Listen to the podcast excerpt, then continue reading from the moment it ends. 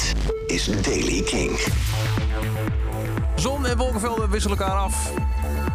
Vooral in het noorden is er bewolking. Daar stort de temperatuur vandaag bij 10 graden. In het zuiden van Limburg wordt nog 22 graden gehaald. Nieuws over Glastonbury, Tame Impala, Pinkpop, Bospop en Woeha. Dit is de Daily Kink van donderdag 1 april. Glastonbury, gecanceld, maar ze doen toch nog iets. Gisteren aangekondigd dat ze een speciaal livestream event houden.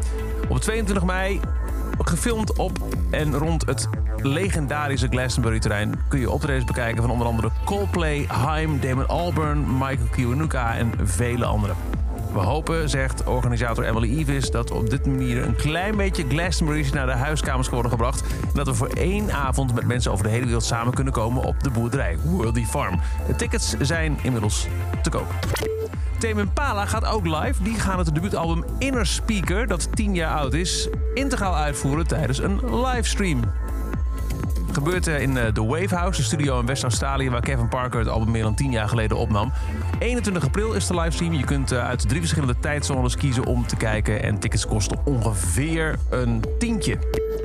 Bospop en Woeha gaan allemaal niet door in 2021. Ze zijn normaal gesproken in de agenda voor juli.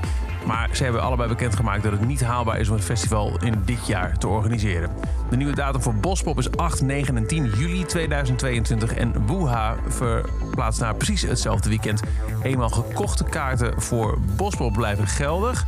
Voor Woeha is dat niet het geval. Als je daar een ticket voor had, krijg je binnenkort het geld van de kaartjes teruggestort. En nu Pinkpop niet doorgaat, heeft de gemeente Landgraaf bekendgemaakt te werken aan een kleinschalig alternatief evenement. Wat het precies inhoudt is nog niet bekend, maar dat zei wethouder Jansen in het programma van L1, de Limburgse regionale omroep. Dat er wordt gekeken naar een laagdrempelig evenement met veel lokale inbreng. Zie het als een cadeautje voor de samenleving die verlangt naar meer vrijheid, evenementen en vermaak. Aldus wethouder Jansen. En tot zover de Daily Kink. Elke dag een paar minuten bij met het laatste muzieknieuws en nieuwe releases. Niks missen? Luister dan dag in dag uit via de Kink-app, kink.nl of waar je ook maar de podcast luistert. En voor meer muzieknieuws en nieuwe muziek, dan check je elke avond tussen 7 en 10 de avondshow van Kink, Kink in Touch. Elke dag het laatste muzieknieuws en de belangrijkste releases in de Daily Kink. Check hem op kink.nl of vraag om Daily Kink aan je smart speaker.